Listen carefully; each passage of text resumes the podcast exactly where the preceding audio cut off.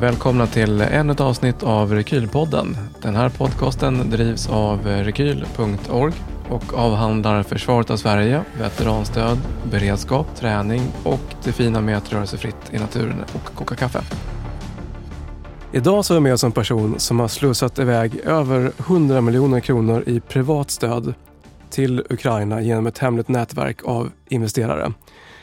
Personen bakom det här heter Jonas och går även under namnet QM for Ukraine i sociala medier. Varmt välkommen till Rekylpodden Jonas. Tack så väldigt mycket. Ja, det är sjukt kul att ha dig här för det här är, jag tänker, en liten eh, hoppfull fackla i vintermörkret. Eh, nu när vi ser i medierna att eh, stöd till Ukraina börjar vackla lite grann.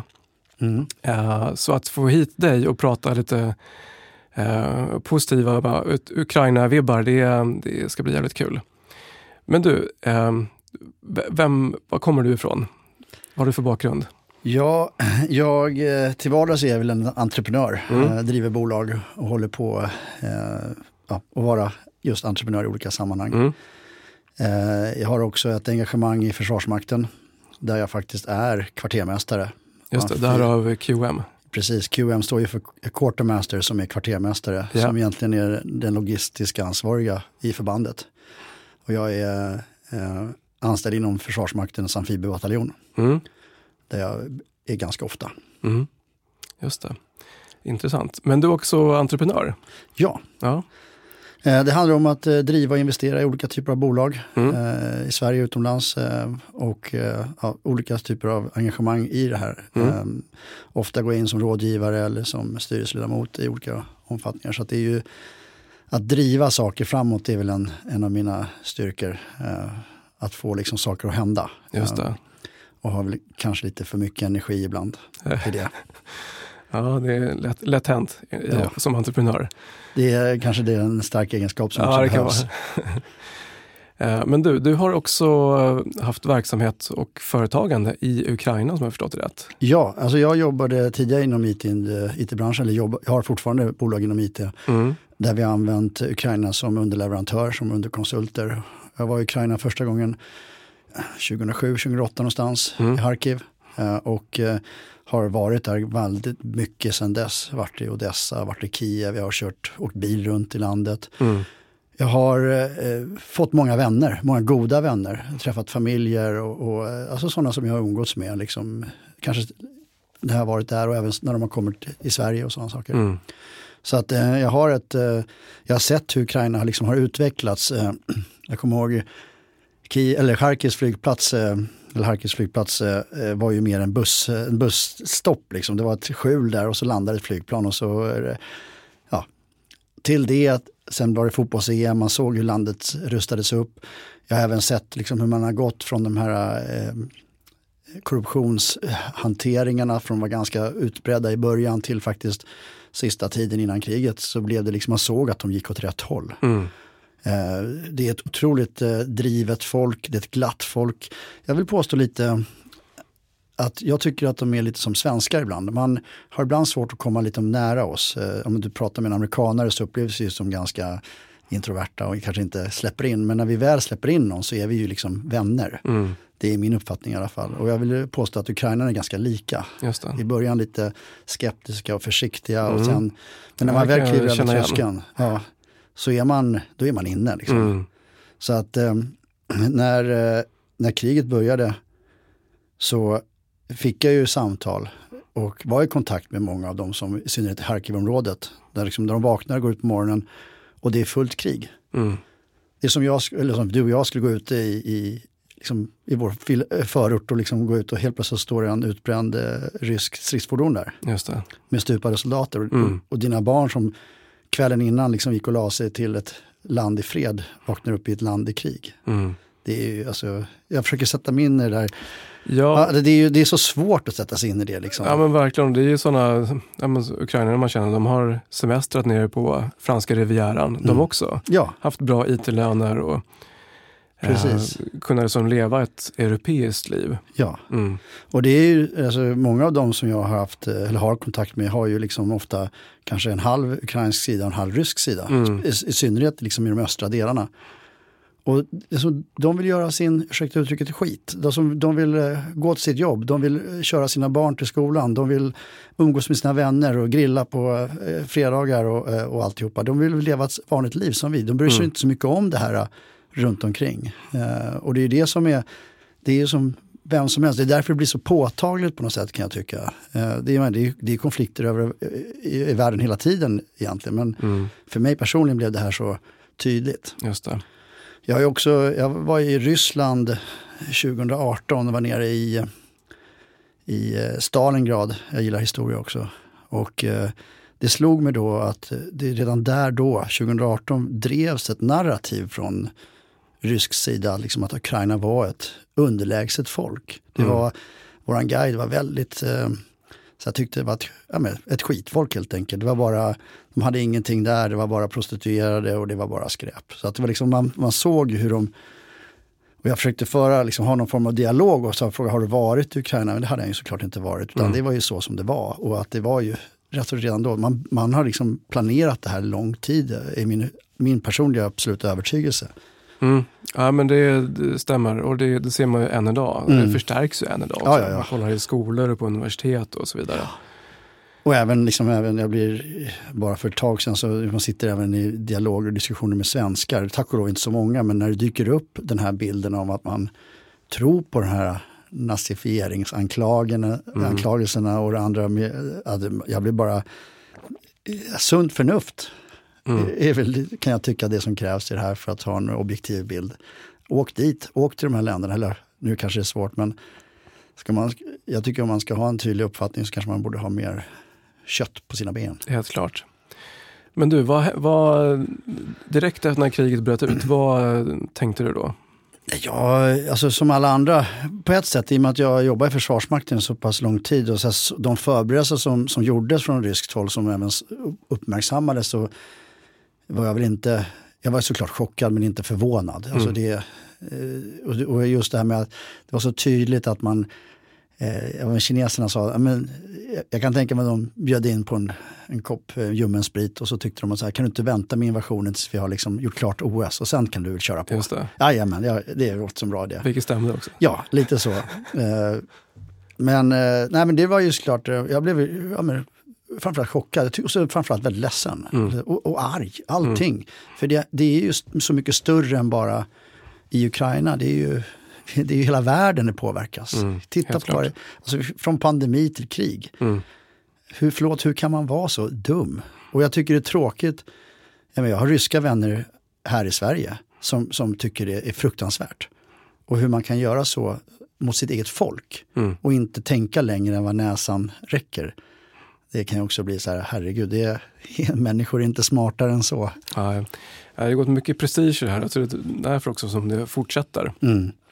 Eh, det var inte så enkelt att ta Ukraina som man hade trott såklart. Att man var gravt underinformerad, felinformerad. Ja, det är tydligt. Men så är det ju sådana som, eh, de har ju bara massa ja-sägare runt omkring sig.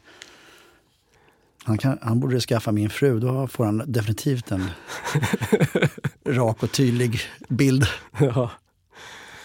Och det här begreppet som QM då, som mm. du nu kör eh, ja. och har slussat, alltså det är ju ofantliga summor som du lyckas slussa iväg till Ukraina. Ja, lite mer än vad, alltså inte mer än vad, jag förstod inte att det var så, det var ju mycket pengar, det är klart, jag mm. vet att hela tiden.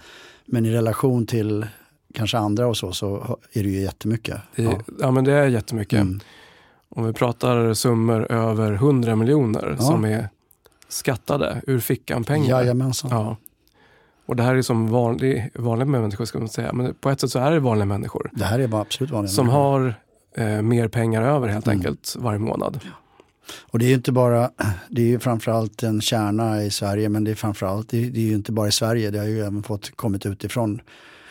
Och eh, det sprider sig lite de här nätverken, att, mm. som pågår. Eh, att det, och jag börjar i liten skala, sen har det liksom växt och det som har varit framgången, eller det som jag har fått så varför folk har återkommit i att investera. Från i början var det ganska få mm. till att idag så är det ganska många. Just det.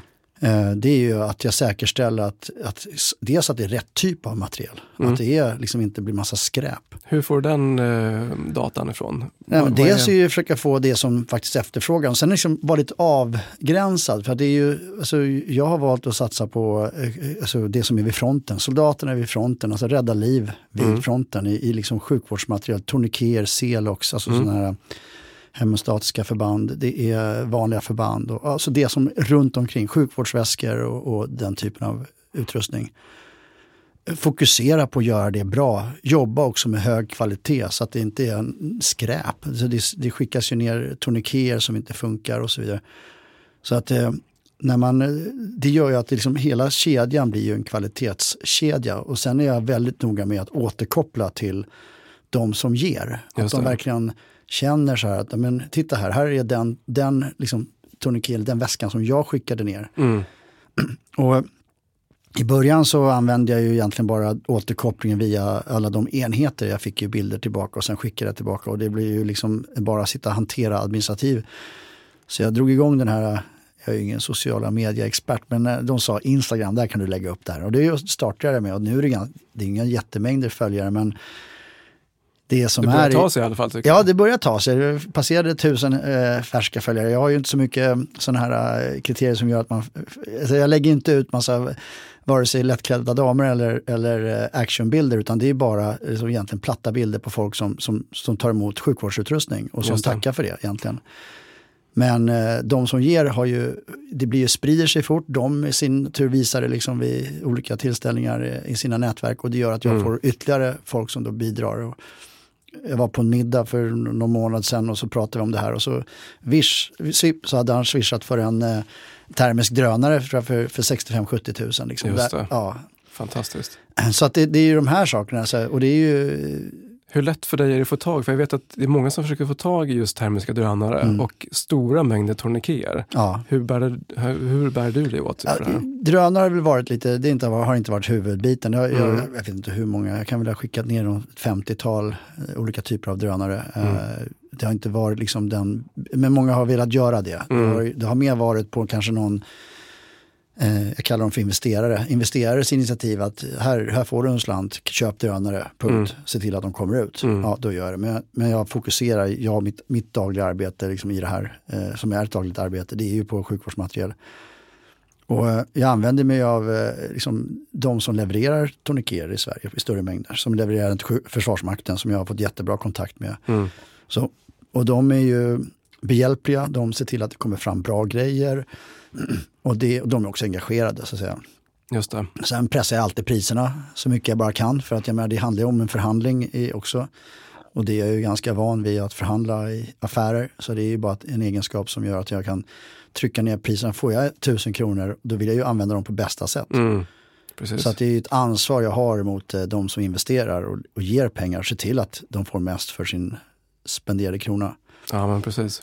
Och jag tar ju inga, alltså jag, jag behöver inte riktigt liksom, jobba egentligen. Jag tjänar ju inga pengar på det här utan det, det är andra saker som driver det här. Ja, jag misstänker det. För det, det känns som att det här tar en, en hel del tid. Ja. Som gör att om man är finansierad från start så blir det hela mycket enklare. Ja, och det är också en annan sak. Jag alltså, varenda krona som jag får äran att förvalta mm.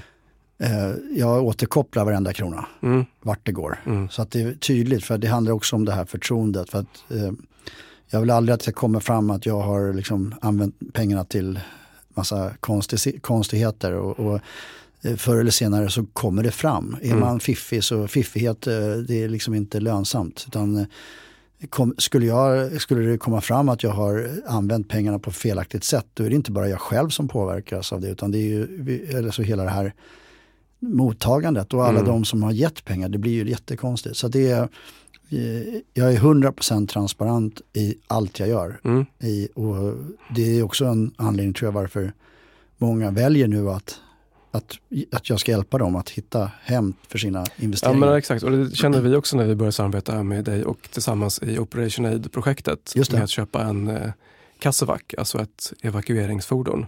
Just det.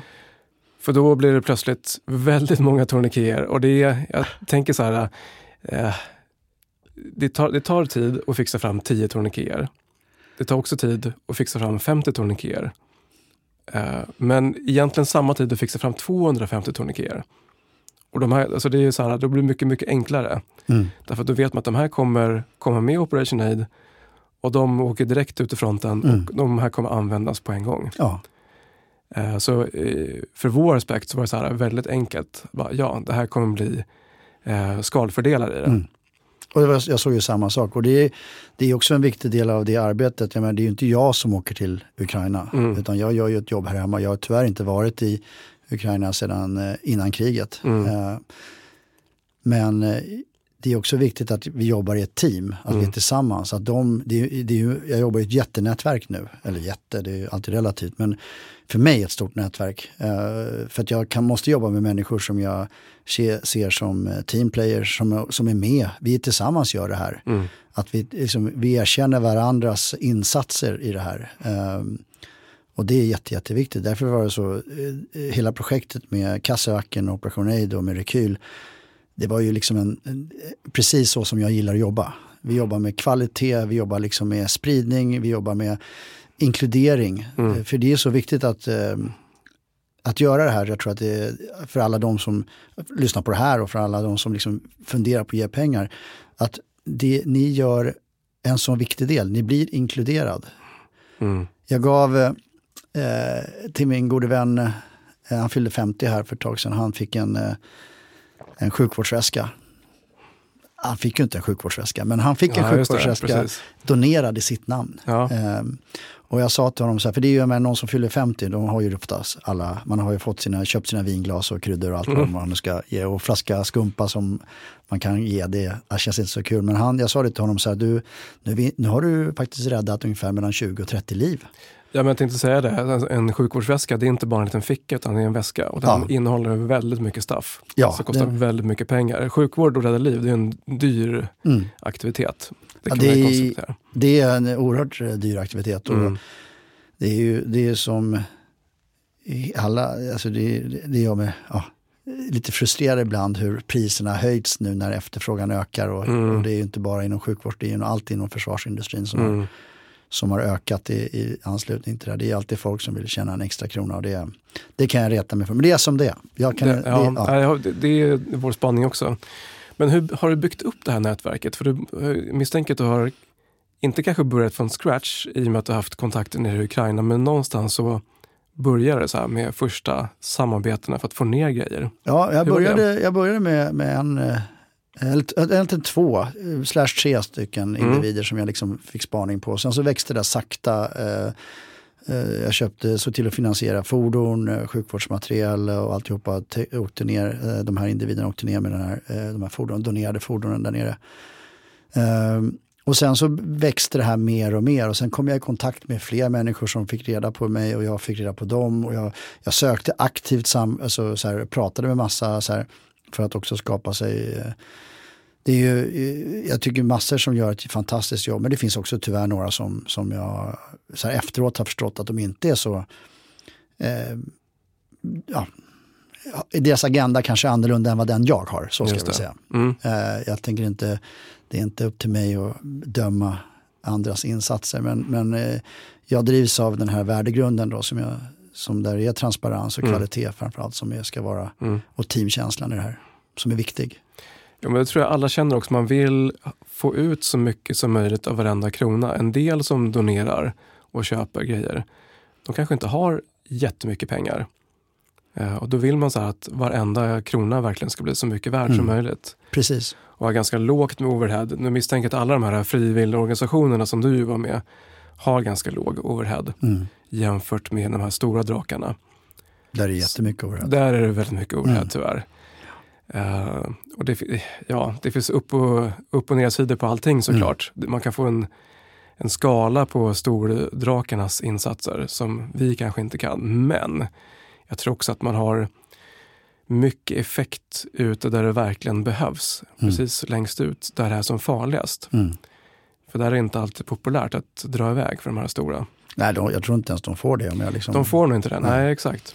Och det, var ju, det är ju precis en, en sån spaning som jag fick liksom, både från ukrainare men även från många av de volontärer som är där mm. nere. Att liksom materialen ham, fastnade liksom i de stora hubbarna. Och menar, återigen, eh, den här korruptionsbiten är ju ett problem liksom, och det blev så påtagligt. Jag, menar, jag skickade ner tre eller fyra lastbilar i början med liksom 60-70 tusen portioner mat och, och, och, någon av dem där liksom försvann bara, lastbilarna. Liksom. Jag trodde att jag hade en mottagare jag kunde lita på. Mm. Uh, uh, jag hoppas att den hamnade rätt, uh, men jag vet inte. och det är det som gjort att jag då backar hellre steg och gör det som, jag gör ju många småleveranser. Mm. Mellan, ibland är det upp till 10-15 i veckan som går från det lagret som, som jag jobbar med. Eh, ibland så kanske den här veckan är det bara varit, jag tror tre, fyra stycken hittills. Eh, bara? Veckan är inte slut än. Nej. ja. Så att det, det, är ju det, är det här som är hela tiden liksom mm. planera och en annan utmaning det är att hantera så att materialen kommer rätt. Alltså, mm.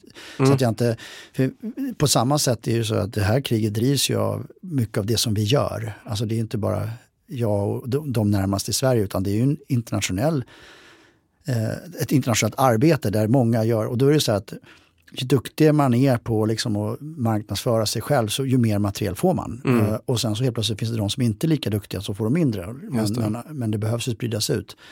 Så en viktig aspekt av det här är att de som är på plats uh, i Ukraina faktiskt kan rådge vart de här ska gå. Mm. Så att det blir en balans i det som skickas ut. Nu har vi varit väldigt mycket runt Advika och 47 brigaden eh, som har liksom lidit stora förluster. Mm. Eh, och så finns det de här eh, förbanden som är assaultbrigaderna och assaultbataljonerna som liksom har ett helt annan typ av människor i sig. Alltså mer, ska man säga, det är väl mer jägare och mm. Eh, den typen av människor. Alltså man vill, man strider för att man, har, man är extra driven. Mm. Och de är också väldigt duktiga på att få den senaste materialen och senaste utrustningen och sånt. Inte för att de inte behöver tourniqueter, för att det är också en brist, bristvara över hela, över hela fronten, över mm. tid. Ja, men precis, och det är som du säger, det finns en balansgång mellan de som ska säga, kommunicerar för mycket och hypar mycket. Mm. Och för alla, som du säger, allas behov är, är typ samma, i alla fall om man ligger långt fram. Mm. Och så finns det de som kanske inte har samma medieapparat med sig, men som också har samma behov. Precis. Men som inte får det för att de inte syns. Precis. Ja, det där måste verkligen vara delikat. Jag vet att vi har backat flera gånger på projekt där vi känt att det här är för mycket, vad ska man säga, varmluft där vi inte vet effekten av. Och mm. då har vi hellre valt att backa på det. Tills vi vet att ja, men nu kommer effekten komma ner. Mm. Ja men det, det är ju det. Och balansgång. Nu, som jag sa tidigare, jag har ju gjort några, gått på några miner mm. i material. Men tack och lov så har det inte varit, bortsett från den här lastbilen då, men jag vill hoppas att den hamnade rätt. Så um, det är så pass, jag ger till pass, det är så pass, så, det är mycket, klart det är mycket, men det är så i förhållande till allt jag distribuerar ut så är det ju små portioner. Och i synnerhet om det kommer en ny individ som vill hjälpa till, då är jag ofta väldigt så här, men du får kanske bara, bara 20-30 tourniqueter och mm. kanske 10-15 sel också. Och så här. Men det är, ändå, det är ändå 50 000. Så att säga. Exakt. Men det, det är mer ett tecken på att visa att om gör det här på ett bra sätt och återkoppla och visa mm. att, du, att, du, att det hamnar på rätt plats. Och, och där börjar det ofta och sen så visar det sig att de växer och gör fler saker. Så mm. Ja men det är en uh, bra approach mm. tänker jag. Men du snackar om lastbilar, vad, vad, är det som för typ lastbilar och sjukvård och så vidare. Mm. Vad är det för material som du har? Om vi pratar rena antal. Oj, uh, jag försökte få, i och med att jag har flera leverantörer av tourniqueter, jag fick från en här att jag vill köpa någonstans 30-35 000 tourniqueter från en leverantör. Och så vet jag att jag har väl 20 000 från en annan och så är det ytterligare. Wow. Ja, så jag, jag skulle säga någonstans mellan 50 och 60 000 tourniqueter. Mm. Det är mycket. Ja, det är många tourniqueter. Det är många, det är många, många armar och många ben som ja, kan exakt. avsnöras i det här. Absolut. Och sen så tillhörande då liksom Celox, alltså hemostatisk bandage. Mm. Där man, en sån förpackning kostar ju nästan tusen kronor om mm. du skulle köpa den på, på stan. Ja. Alltså gå in på en affär. Eh, och en tourniquet ligger också runt, eh, alltså med moms och allt vad det heter, eh, ja, mellan 400 och 600 kronor. Mm. Om du ska ha en, en tourniquet av kvalitet. exakt. Eh, och sen därefter så följer då en, en mängd olika bandage. Eh, det följer vanliga, alltså, det som kallas Israeli bandage som är egentligen vakuumförpackade bandage. Mm. Eh, Dauerbinder som är elastiska om man stukar en fot men även som kan användas till annat. Det är kompressorer av olika typer. Mm. Det är chest seals, det vill säga för, för lungskador och sånt. Och det är nålar för ja, sätta i bröstet om man, för, om man får lungskador. Mm. Eh, och sen så är det ja, allt, alltså det som är där ute. Eh, avgränsningen, så här, jag har gått in ibland på lite djupare. Här senast så eh, det finns en, eh, en kille som heter Tor Instructor mm. på Instagram som är, jobbar för, dels in, var han inledningsvis för nu ska jag inte säga fel, men han jobbade som combat medic, nu är han mer liksom i stridande funktion. Och han bad mig om IO-nålar. Och då tänkte jag, vad fasen är det? Jag, är ju inte, jag har ju ingen, jag har ju en, Försvarsmaktens vanliga utbildning i CLS, men IO-nålar hade passerat mig förbi. Så jag ju, fick ju lära mig lite där och sen så bara hitta och förstå vad, egentligen, vad han skulle ha och inte ha. Och sen det. det tog ju rätt mycket tid och till slut så fixade jag Nu har han fått de där nålarna och jag hoppas att han är glad. Ja. um, men det är ju så här, ibland blir det lite avstick och jag tycker det är lite roligt att uh, grotta ner mig. Ibland tar det lite för mycket tid bara. För, mm. för, för det här vanliga jag gör är ju så pass, alltså, i, min relation till jobb, familj och vardag så är det mm. ju så här, uh, jag har satt, sett mig ibland lite kniviga situationer. För jag vill ju ändå liksom hjälpa till på något sätt. jag kan tänka mig det. Ibland så undrar jag hur du får tiden att räcka till. Men... Ja, det finns ju natt också. Så ja. Precis. Men du har också skeppat ner en eh, massa med pickisar, pickup mm. trucks. Precis. Mm. Eh, ja, det är ett gäng det är med liksom olika enheter eh, och eh, nu senast så skickades det ner med svenska bussarna. Mm. Ett jäkligt drivet gäng. Väldigt fokuserade, liksom jag, på sin sak. Alltså de får effekt.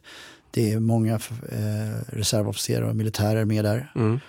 Eh, jobbar också lite halvdant under radarn. Så att säga. De är inte jättekända liksom, men de har ganska bra nätverk i mm. sina...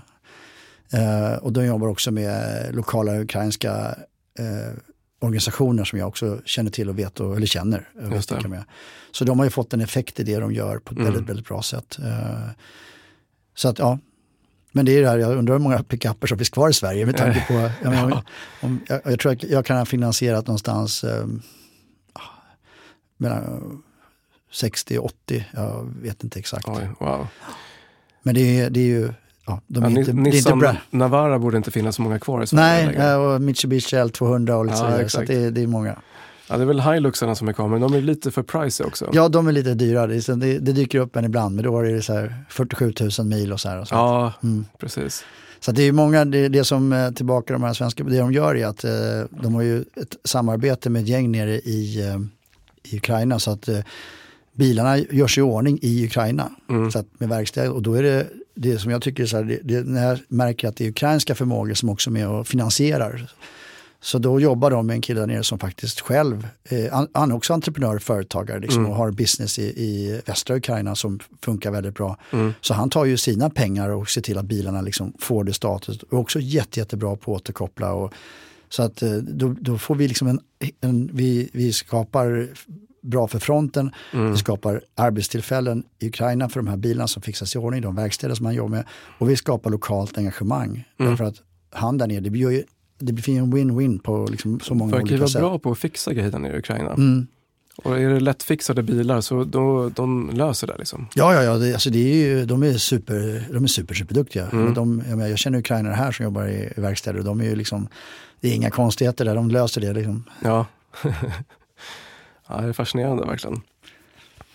Men du berättar så här, vad, ta en, till exempel en sjukvårdsficka. Mm. Vad, vad, innehåller en sån här? För du har vet att, jag har sett bilder där Ja, alltså det, massor sådana. Det har ju varit, eh, alltså från början så var det ganska mycket mer än vad det kanske är idag. Mm. Och det beror lite på så här, vad jag har fått för återkoppling. återigen, det, så här, det är ju, frågar du vad som vad en så kallad IFAC, Individual, Individual First Aid Kit, står det ju för. Mm. Eh, det vill säga den personliga eh, sjukvårdsutrustningen du har. Om jag jämför med Sverige, liksom, jag som svensk soldat, ja, vad har jag på mig? Jag har ett, eh, ett bandage i höger benficka eh, om jag har tur och jag har en tourniquet. Mm.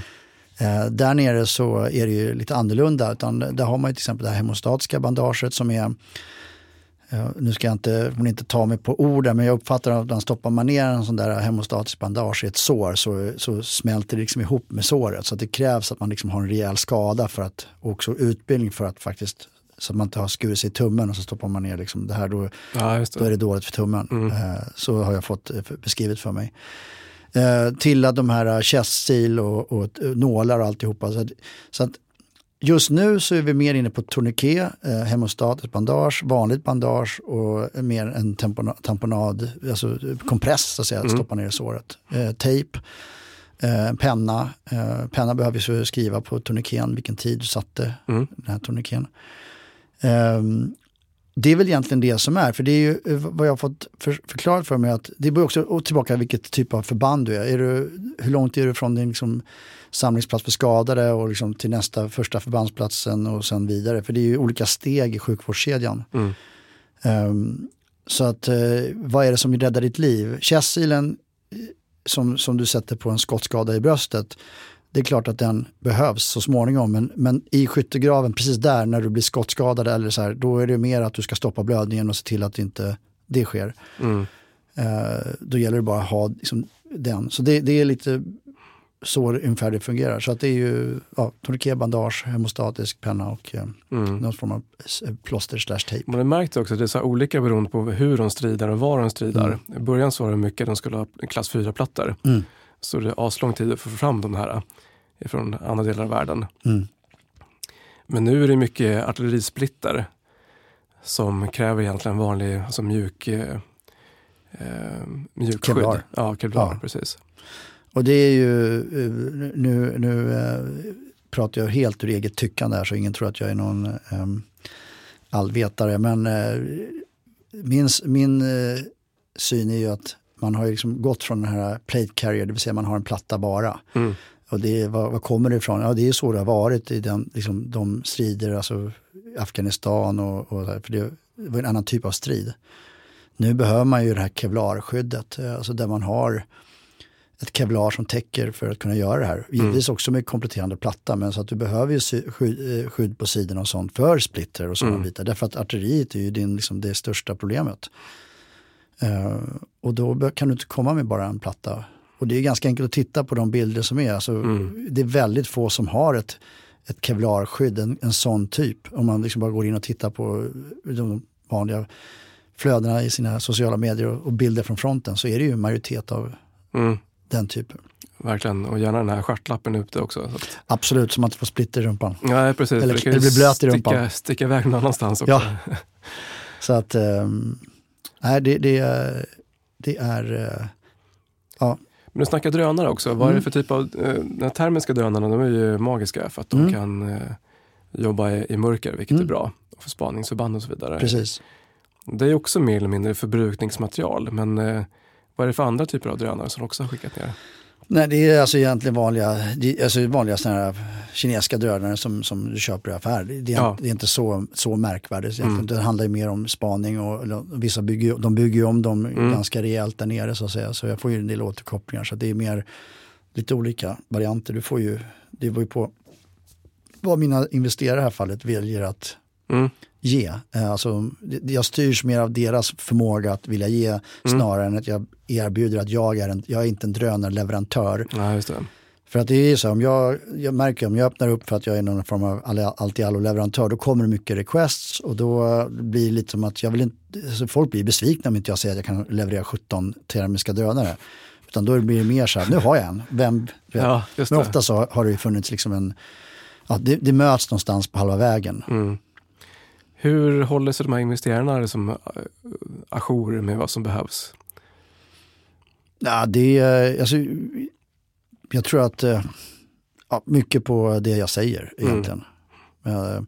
Och ofta är de inte så liksom, detaljstyrande i det de vill att jag gör, utan det mm. handlar mer om att här, här är det som pengarna, här är det som vi behöver. Mm. Eh, eller som, som, du, du skaffar det som du behöver. Och då brukar jag säga, det här är tänkt jag ska köpa för det du, det du vill ge. Och då säger de, ja vad bra, mm. kör.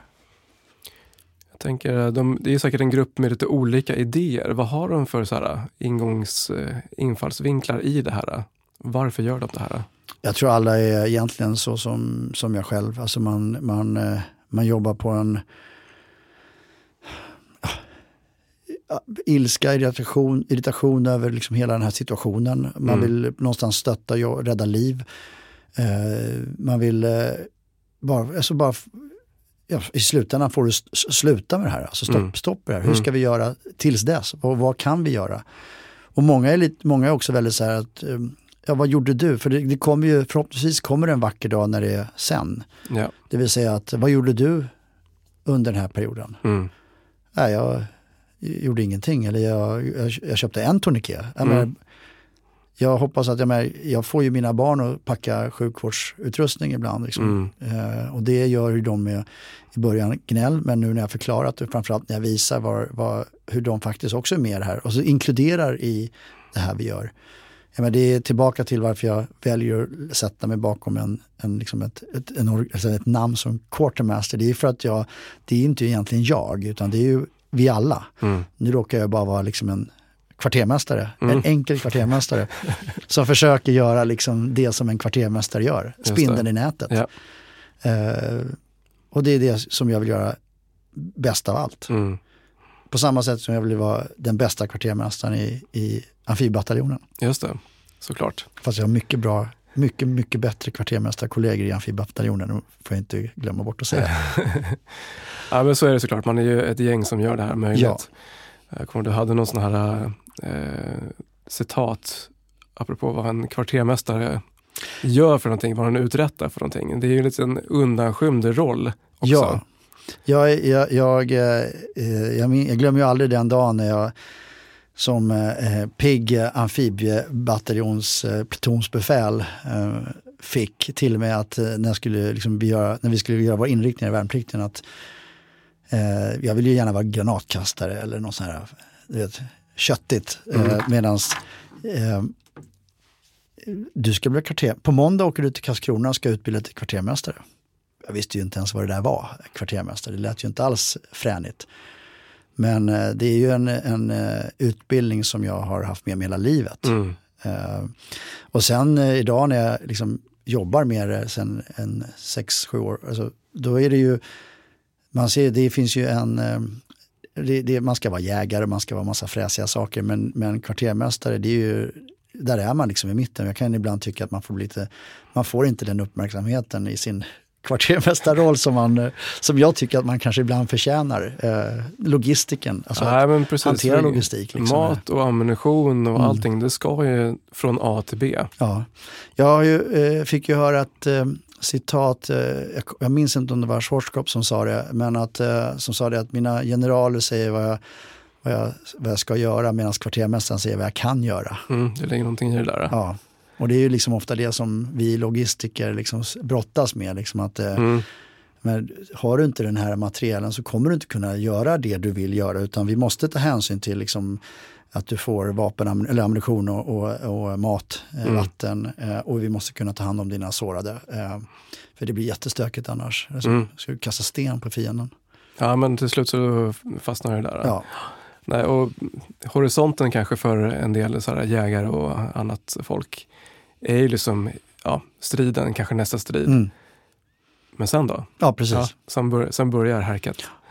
När man måste eh, skotta hem igen sen och ta, ladda på med nya, ny ammunition och Precis. ny, nytt käk och sådär. Alltihopa. Ja. Mm. Annars, blir det, annars kommer det inte funka. Vi alla har en funktion.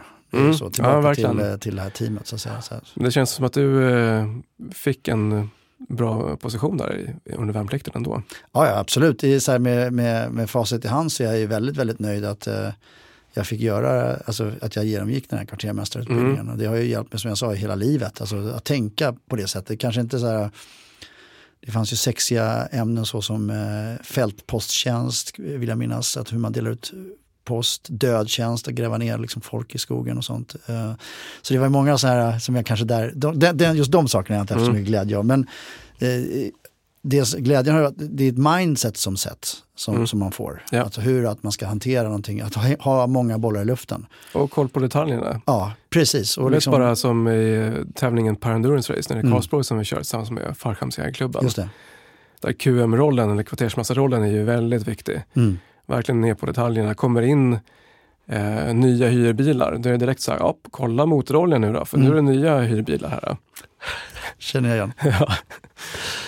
Eh, Så att det, ja, det kommer mycket erfarenhet och mycket klokskap med det här. Mm. Som får, som får livet att bli lite lättare för alla andra. Ja, ja, absolut. Och det är det som, eh, jag, jag, om, jag, eh, om jag pratar om någon så här, eh, ofta frågar folk om agender, men min huvudagenda är ju såklart att rädda liv och mm. göra insatser i Ukraina. Men mm. också att jag har ju någon sån här eh, naiv idé att höja logistikfunktionen inom eh, Försvarsmakten till någon högre nivå. Om nu någon av eh, eh, befattningshavare på hög nivå hör det. Så att, eh, nej, men det är mest för att jag kan tycka att man ibland eh, inom logistikfunktionen har en, liksom en, en undanskymd mm. eh, icke erkänd funktion så att säga. Så att, eh, ja, men, det, eh, det ligger mycket i det där verkligen. Ja. Sen är, så man är tacksam fast man inte vet om det. Mm. Att, för att saker och ting funkar. Ja, det är snarare osynligt. när det inte funkar, när man inte får den här Exakt. varma påsen, så då blir det hojtandes. Ja, så. men precis. Men du håller också på att utveckla det här QM-nätverket, det vill liksom bli mer av ett nätverk. Ja, eh, jag har ju jobbat med ett, eh, i synnerhet med en individ, eh, Tilde i Adenbrook, som, eh, mm.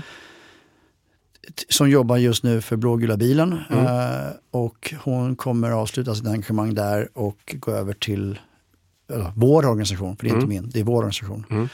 Tilde har ju varit väldigt central i arbetet sen innan sommaren när vi liksom fick en bra kontakt och träffades och hon berättade om sitt arbete och, och hon har liksom kunnat göra det på ett otroligt sätt. För att hon är hon har också eh, mycket energi eh, och eh, hon har ett otroligt nätverk där nere. Mm. Hon är ju inte på något sätt militär eller någonting men hon är insiktsfull, hon har en bra förmåga att förstå och balansera. Och sen är hon otroligt envis. Till vissa, vissa är så här, Eh, tycker att hon är lite jobbig ibland, men jag tycker det är bra för hon ställer krav och hon vill att det ska hanteras på rätt sätt. Hon och jag, vi tänker rätt lika på hur vi ska göra saker. Mm. Um, är det liksom för att, eh, vad ska man säga, utöka den roll som du har mm. haft? Mm. Mm. Alltså underlätta, för jag, min enda begränsning just nu, alltså jag ser ju att eh, det som gör att jag inte tar in mer pengar eller mm. försöker jobba, för det är också ett arbete att jobba med att samla in ja, men pengarna. Verkligen det är ju att jag vill ju visa att det är en större organisation, att vi växer. Så att eh, jag har ju nu skickat in, eh, eller vi har skickat in för att göra en förening, en ideell förening av mm. det här så vi ska lättare kunna göra. Och då har jag sagt det så att eh, dels att jag har en investerare som vill dubbla de pengar som kommer in i föreningen mm. kommer dubblas. Eh, jag kommer kunna hjälpa mer Tilde med och verkligen säkerställa. Men Tilde var ju med på den här dokumentären på SVT, hon har varit sommarpratare. Hon är en, en fantastisk drivkraft i det här. Mm. Eh, jag kommer också jobba med en kille som heter Brandon Mitchell som är, jobbat på Hospitaliers. Mm. Aningen galen, eh, men har, han har en koppling till Sverige mm. eh, på ett sätt. Kommer vara hemma i Sverige här under en tid för att hantera lite så praktiska saker och, och, kommer hjälpa mig lokalt i, i Sverige. Mm. Eller hjälpa oss det. i det här. Liksom. Så att, eh, och sen utifrån det så har jag sagt till, det är flera där ute som jag säger, ni alla är välkomna att vara med i det här nätverket. Alltså, det, alltså bland de som jobbar där. Mm. Eh, jag jobbar, eller vi, så sådär, vi jobbar på ett sätt att det är framförallt där nere som som vi kommer hjälp. Så är det så att man har en organisation här i Sverige som är, för många vill ju få grejer i sin organisation och sen åka ner. Mm. Utan då säger jag så, men säg vad vill, ni vill ha grejerna istället. Vi har ju folk på plats. Så att man kommer, få, man kommer kunna säga så här, men jag känner en på 80 andra Assault Brigade på den och den bataljonen, kan inte ni, liksom, de skulle behöva det här och det här. Och då, är, då, då kommer vi liksom göra det. Mm. Så det är det som är Just det. Och hur kommer man i kontakt med er på bästa sätt? Ja, antingen så eh, via vår Instagram eller till dess mm. Instagram. Sen kommer vi sätta upp en, eh, en bättre kontaktväg. Eh, är, man som, är man intresserad av ett större engagemang då är det ju via, så kan man kontakta er på Rekyl också. Just det, för, då fixar vi det. Ja, så det är ju, vi gör, vi gör ju här tillsammans. Mm. Vi har ju samma mål med mm. det vi gör. Så att, eh, vi går in nu 2024 givetvis med förhoppningen att det här tar slut. Eh, mm. Tyvärr tror jag inte att det kommer ta slut på ett bra tag utan vi måste vara uthålliga i det här. Eh, det är nästan det viktigaste. Ja, jag tänker också det. Det är många mörka rubriker nu om att eh, det är massor med stöd och finansiering från både EU och från USA som står, står i stå helt mm. enkelt. Eller går i stå. Därför är det extra kul att höra att det här fortfarande finns kvar. Och det är ganska omfattande också. Även om det såklart inte är som miljarders miljarder så är det mm. ändå miljoners miljoners. Ja, och det, jag tror så här att det är lustigt för eh, via Tilde så har vi fått förfrågan om ammunition till CV90. eh, så jag, jag försökte sträcka ut en hand till eh, BAE Bofors och tänkte, har ni lite eh, ammunition övers. Ja. Jag försökte också förklara för eh, till vet ju, hon har ju inte hanterat det här så jag sa det. Det är inte så att jag kan gå in med liksom en jaktlicens i Walter, alltså jaktaffär. Och, 40 mm. Ja precis, för jag har det på licens i mitt jaktgevär. Nej, ja, exakt. Jag kör storvilt. Nej, eh, så det är inte, det är inte allt för enkel liksom, hantering. Um, och jag vet också att det är en, uh, ammunition är en bristvara just nu. Mm. vi, ska, alltså, vi har en eftersläpning på all typ av ammunition. Det, det står ju varje dag nästan i tidningarna. Mm. Säga. Eh, men jag har också fått förfrågan om luftfilter, oljefilter till CV90 och det är jag tror att det beror på att det alltså ukrainarna har också problem med logistiken. Inte att de inte skit, de, skit, de skiter nog inte att vilja ge luftfilter men det är så mycket hela tiden överallt. Mm. Eh, jag vet ju bara när man är på en övning som Aurora liksom, eller någonstans större, det, alltså, det blir ju alltså, Ja, deras QM-roller måste också vara ja, det var, väldigt det, komplexa. Det, jag är inte avundsjuk på den uppgiften. Att hantera och göra allting, alltså transporter och alltihopa med, liksom, eh, ja, med allt vad det innebär. Det är en mm. jätteutmaning och jag förstår att det, att det är saker som, som inte kommer fram i tid. För att, menar, om vi inte ens kan få fram saker exakt i den tidssekunden som vi vill när vi har en liten övning så... Mm, precis. Ja, det, finns, ja, det blir snabbt väldigt komplext såklart. Ja, Men vad ser du framför dig 2024? Eh, ja, jag tror att eh, tyvärr det kommer dra ut på tiden. Jag tror att den här, alltså som många, eh, eller jag lutar mycket på vad andra analyser bygger och det är väl att det kommer någon form av ställningskrig.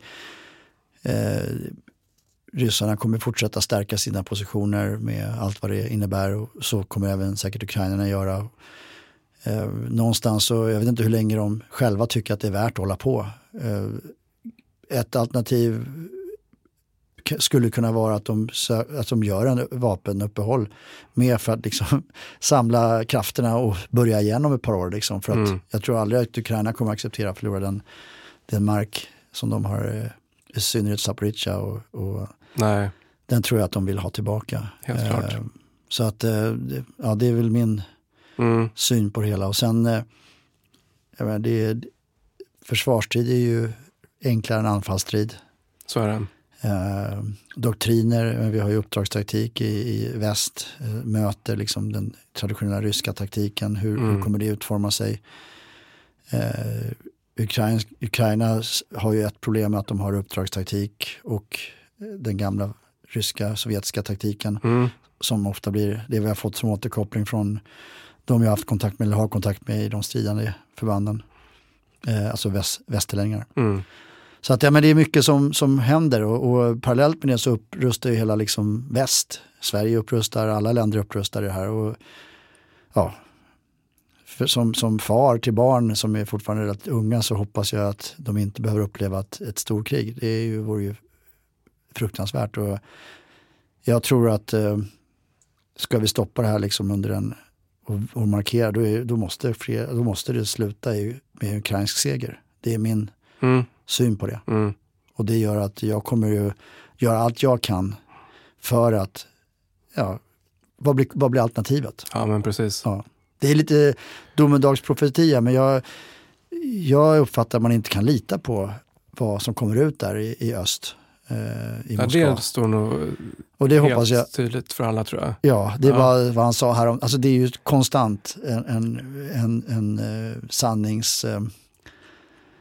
Förvrä förvrängning. Mm. Eh, och det tycker jag, för det är, inte, det, det, är ju samma sak som sägs i alla media, tv och alltihopa. Så hela, hela ryska folket, eller inte alla, men många står ju bakom de här åsikterna. Och det, det är också oroväckande för det gör ju att man kommer acceptera liksom förluster. Man kommer acceptera att, att det blir på ett visst sätt. Man kommer acceptera och låta mm. eh, eh Moskva driva det här inifrån en större, till en större konflikt för att man har liksom satt ett narrativ inom inom Ryssland att liksom det är okej. Okay. Mm. Uh, och framförallt att man liksom lutar sig på någon så här Peter den, vet vad Peter den stora liksom, vision att man ska bli ett stor Ryssland igen. Liksom. Och det är inte bara, då är det inte bara Ukraina, då är det ju flera andra länder som, som ingår där. Mm. Och, och, så, det. så det, jag tror att man måste ta det, och vi tar det på allvar. Jag ser inte liksom vi tar det på allvar. Men Mm. det, ja, Nej men precis, så har vi ju ett presidentval och Ja. ett presidentvalslive kanske man ska kalla det för. Jag ska Ja. lajva presidentval i Ryssland också. mm.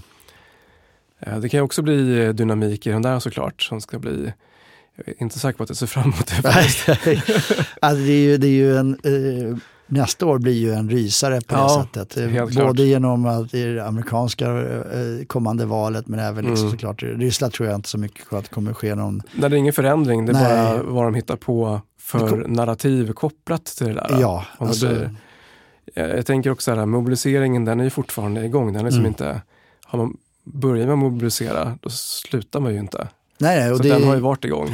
Och de tar ju, eh, och jag har uppfattat det rätt, de tar ju folk som inte bor liksom i storstäderna utan de, de, eh, Mm. de kommer ju från eh, Tjotahejti eller vad det nu heter, ute på den, Ryssland är ju stort. Ja, eller hur? Så att jag menar, det är ju, det, det märks ju knappt bland många att det faktiskt sker. Att de är liksom, det var många som flydde. Mm. Men jag tror att de är, jag tror att de är väldigt, eh, tänker på vilka, vilka de draftar så att säga in till här, Ja men så är det. Det är vissa grupper som nästan har sagt att det här är eh, vad ska man säga, utrotningskrig internt. För Ja. att de vill ha bort, eh, eller egentligen skiter i vissa befolkningsgrupper. ja, så är det ju. Så är det, Och det ju är, väldigt- cynismen i det där är ju brutal verkligen. Jätteobehagligt. Ja. Men det, är ju, det har ju varit så här alltid, den, liksom den doktrinen. Mm. Alltså, det är ju bara att titta på andra världskriget. Mm. och som de, här, det finns noll respekt för någon form av människoliv. Utan, och hela liksom, Sovjettiden med, Mm. med olika utrensningar fram och tillbaka. Som har varit liksom i, och även om jag förstår, alltså även tsartid. Det, det ligger lite i deras DNA att Det agera det. så här. Ja, ja Tyvärr. Mm. verkligen. Tyvärr, verkligen. Även tiden som har varit under kalla kriget, eller slutet av kalla kriget Mm. så att säga, har varit undantaget snarare Ja, än, än absolut. regeln. Så vi har ju levt med undantaget ganska länge. Mm. Vad tänker du om eh, svensk stöd, alltså vanligt, vanligt folks och eh, även politikers stöd under nästa år? Eh, ja, alltså, ja du. Eh, jag tror att, eh, det är en bra fråga. Jag uppfattar det som att det finns ett stort stöd bland allmänheten, men också det här att jag tror att eh, man blir, vi blir störda helt plötsligt av en, liksom Israel, eller inte störda, det var fel uttryck. Eh, Man blir, det händer andra saker runt omkring i världen. Vi har jul just nu, folk Mm. har, ja, liksom, man, har man, man kommer till ett läge liksom där, man, där det också även det blir en vardag. Och det är väl Mm. det som vi måste försöka så här, hela tiden, det är det jag kämpar för att jobba med. Mm. Min fru är jättetrött på mig att jag hela tiden tar upp det här när vi är på middag eller vad det nu är vi är på. Och, och informerar och förklarar och Ja. alltihopa. För det, jag lever här så nära. Jag lever Jag tror det behövs också. Jag tror att jag tror alla får liksom steppa upp det här eh, konversationerna vid middagen, även, även bjudmiddagar. dag. Ja, Utan att vara en partypooper såklart.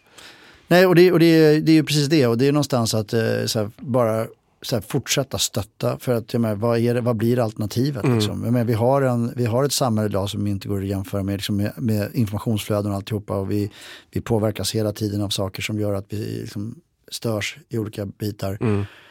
Eh, vi har den politiska aspekten av det hela som också har agender. Liksom, menar, nu, nu inför valet med NATO och alltihopa. Vad händer med NATO? Kommer vi bli insläppta eller när blir vi insläppta? Mm. Eh, Det kommer påverka massa saker eh, som kommer ta uppmärksamhet från, från Försvarsmakten som gör att de måste anpassa sig efter Mm. massa nya regelverk eller, liksom, eller implementera nya regelverk. Mm. Eh, Jag tror att man redan har anpassat det i stor grad. Um, man, man får väl lämna Adam, Bertil, Caesar, gå över på Alpha Bravo Charlie. så är det.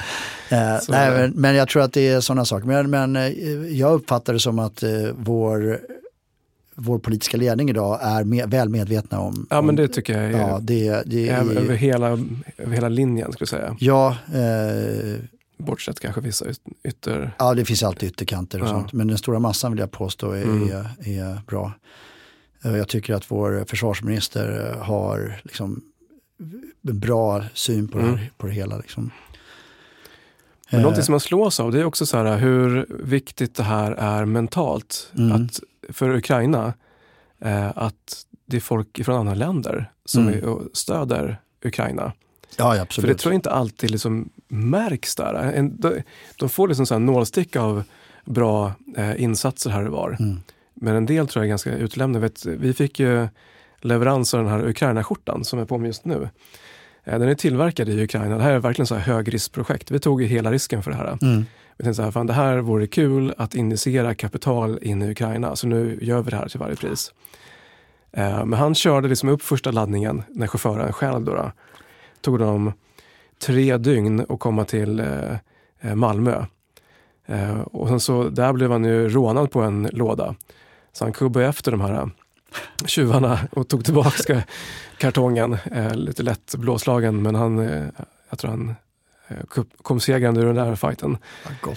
Ja, men när han kom till lagret sen i Västerås så fick han ju först en kopp varm kaffe då såklart. Men han fick även kolla runt bland hyllorna och då fanns det massor med Ukraina-tischer.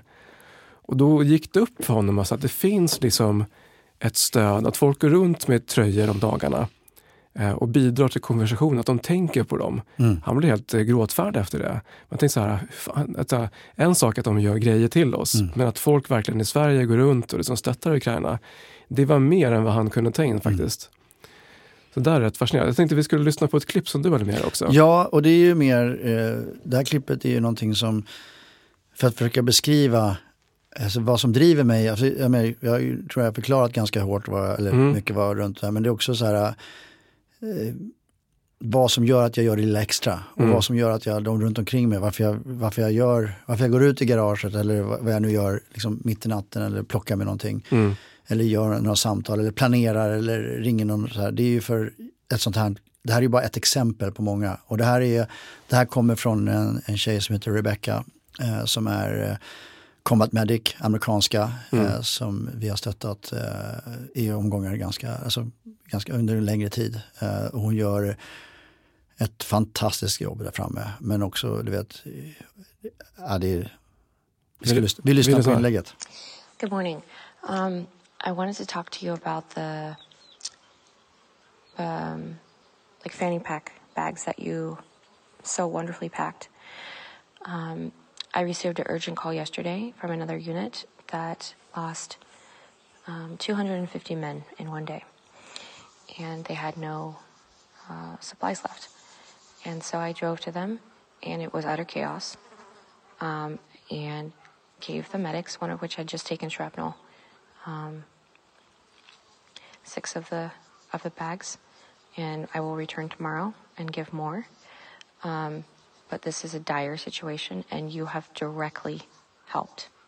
I obviously can't, uh, there's like not public information about their losses.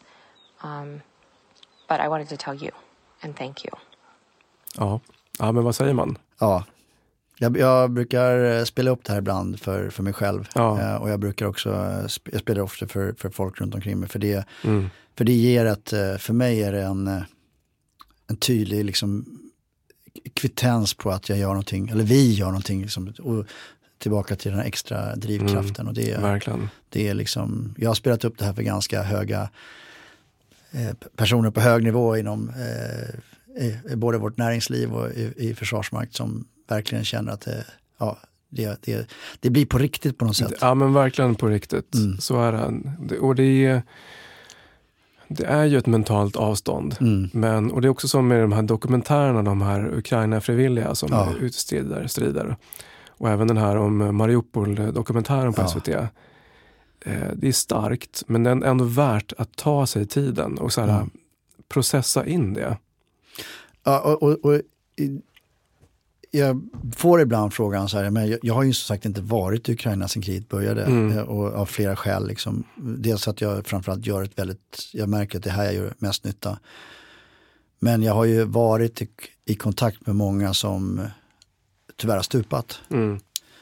Uh, en som stupade, tog, som jag uh, blev väldigt uh, påverkad av, det var Johan Fredriksson. Som, Just det. Mm. Ja, det var, jag pratade med honom två dagar innan han stupade. Eh, och eh, jag träffade honom i, när han var hemma i Sverige i våras. Eh, och jag, den här dokumentären som beskrev honom nu, det är, alltså, det är, mer ödmjuk person får man ju leta efter. Mm.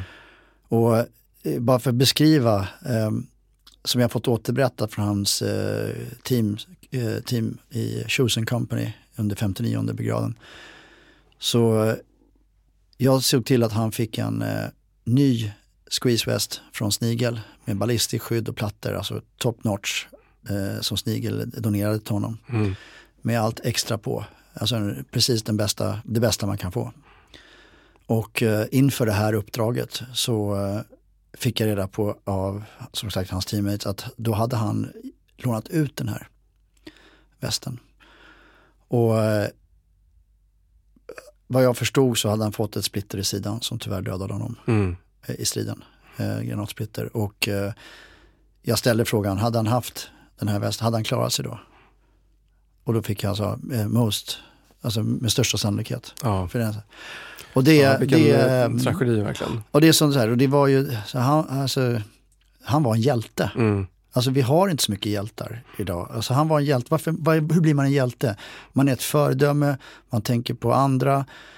Eh, och jag tycker det är så viktigt. Eh, jag har varit i kontakt med, med hans änka och, och eh, också så här vi vill, vi vill, alltså vi har investerare som vill hjälpa hans familj i det här. Mm. Eh, och också att förstå det, liksom de, de, de, familjen har betalt det yttersta priset. Liksom många Verkligen. som, som, som är i vår som har stupat. Eh, men att gå och strida för någonting som egentligen inte, jag ska, alltså som, som, han har gjort det av så många skäl. Och jag, ja, det, jag, jag blir nästan så här speechless nästan i det här. Mm. För att han, han, han, han satte sånt, när jag träffade honom och alla, alltså jag brukar titta i våran eh, dialog, våran chattdialog tillsammans, allting vi har pratat om under det här. Eh, och det gör att man, jag, jag kommer ju honom väldigt nära liksom på det här sättet. Eh, utan att vara alltför personlig. Alltså det är inte så att vi pratade om, liksom, utan vi pratade om hans behov och det, de, det liksom, de utmaningar han stod inför. Just det.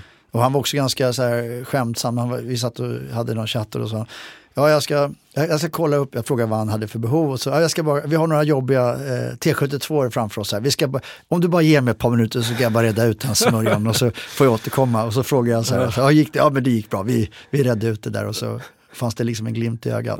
Det. Så att, eh, nej men det, det, och sen är det andra som jag liksom har varit i kontakt som också har stupat och så här, eh, av internationella kontakter jag haft. Mm. Men som sagt, det där är ju, det blir ju otroligt påtagligt. när Ja, men det blir det. Ja, Verkligen. så att det, ja, han, är, han, var en, han var en fantastisk människa. Mm. Ja, alltså som du säger, det, det finns få av dem. Mm. Ja, absolut. Det Den, såklart i Ukraina finns det fler av dem. Men ja, ja, det finns massor. Men, Eh, eh, men, men han var ju, ja, men det är ju, det exceptionellt att ge sig av hemifrån också till ett annat land. ja, och jag vill inte på något sätt förringa, det finns många jätteduktiga Mm. svenskar och andra internationella som, som är av samma kaliber. Mm. Men som jag givetvis inte liksom outar här. Som jag är i kontakt med som gör ett jättebra jobb de också. Mm. Eh, och så att det är ju det är så tråkigt man ska uppmärks- uppmärksammas för sådana här saker efter man har dött. Ja. Det är, det, som, det är det som är, för, för jag menar, det kunde ha varit någon av de andra också som jag har kontakt med. Ja. Nej, man får hoppas, som du säger, att det tar slut eh, Mm. så snart som möjligt så folk får komma hem och ha det bra igen. Ja, ja. Och det är också en sån här, eh, som jag håller på att försöka prata, och det är, vi är nog många som pratar om det, det här med vad händer sen? Vad Mm. händer med de här svenskarna som kommer hem som har varit Ja. här? På samma sätt som vi måste ta hand om våra, alltså tillbaka till Rekyls fantastiska jobb är ju att ta hand om våra veteraner. Alltså som inte, Ja, det här blir delikat. Alltså det, dels så kommer ju folk behöva vård Mm. som blir skadade. Ja, ja. Och det finns ju inga sjukvårdsförsäkringar för de där direkt. Och sen även den mentala delen när de Mm. kommer hem sen kommer också vara en eh, tuff PTSD-resa för en ja. hel del. Och det, det kan ju vara att det tar, men det kan ju ta tio år innan en PTSD-diagnos liksom gör sig till känna. Mm. Så att eh, jag, menar, jag har en nära i familjen som var nere i Bosnien eh, som fick PTSD efter tio år och som Mm. idag liksom kämpar jättehårt med det. Mm. Alltså det är, vad är vi, eh, 30 år senare Ja. eh, sliter med de här. Ehm, och det kommer ju komma mer med de här såklart. Ja, men så är det. Vi, vi har fått ganska många eh, vad ska man säga, projekt till oss Mm. eh, som typ för, försöker bygga upp någonting motsvarande som VRR, Mm. fast för Ukraina-veteraner. Ja, jag har, varit, eh, jag har blivit approcherad av ett, Mm. ett par och det tycker jag är jag pratade med någon här för någon, bara några veckor sedan ehm, och jag sa det att jag är jätte, jättegärna med. Det är bara att, tillbaka till att jag är själv. Liksom, Mm. så att, jag har varit, alltså nu har jag ju på så här, men det är fortfarande, jag, jag måste klona mig själv först för att Mm. kunna liksom Ja, Jag ju- också det, vi skulle gärna stötta mer dem. För, och det, Där har vi sagt, om snacka med VRR, se hur mm. de eh, hanterar sina ärenden. Mm. För de hinner köra en bakgrundskoll på att man, man har varit på ett visst ställe. Just det. Och det är mycket enklare i Sverige, för då mm. finns det ju loggar på allting. Eh, vilken mission har man varit på och mm. vilket kompani och vilket befäl hade man. Och sen så verifiera eh, ja, kostnader och så vidare.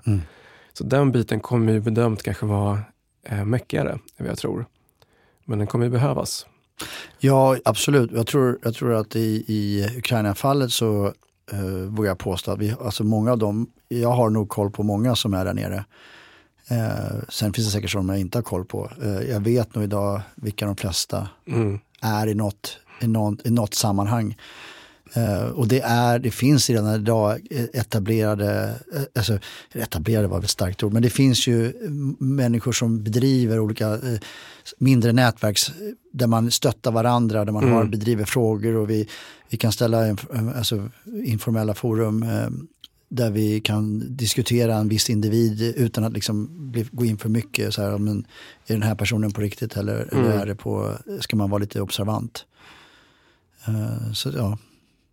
Och det tror jag kommer ligga till grund sen när de här kommer tillbaka. För det är ju två, som jag ser det är två olika typer. Dels är det de som strider, men sen har vi de som, ja men som, som Tilde till exempel, som, som egentligen, det, är ju hela, det här är ju hennes liv nu. Alltså det är ja. en identitet i det här. Mm. Och, och uh, jag pratar med henne om, liksom, hon är stark, hon är jättestark, men jag vet inte, liksom, det, hon, har, hon har varit med om massa saker. Uh, uh, men ja, hon kommer ju säkert lyssna på det här och kommer säga vi kommer till det, we have you back. ja, ja och det behövs ju också. Mm. Man, eh, det är lång tid som folk har varit där.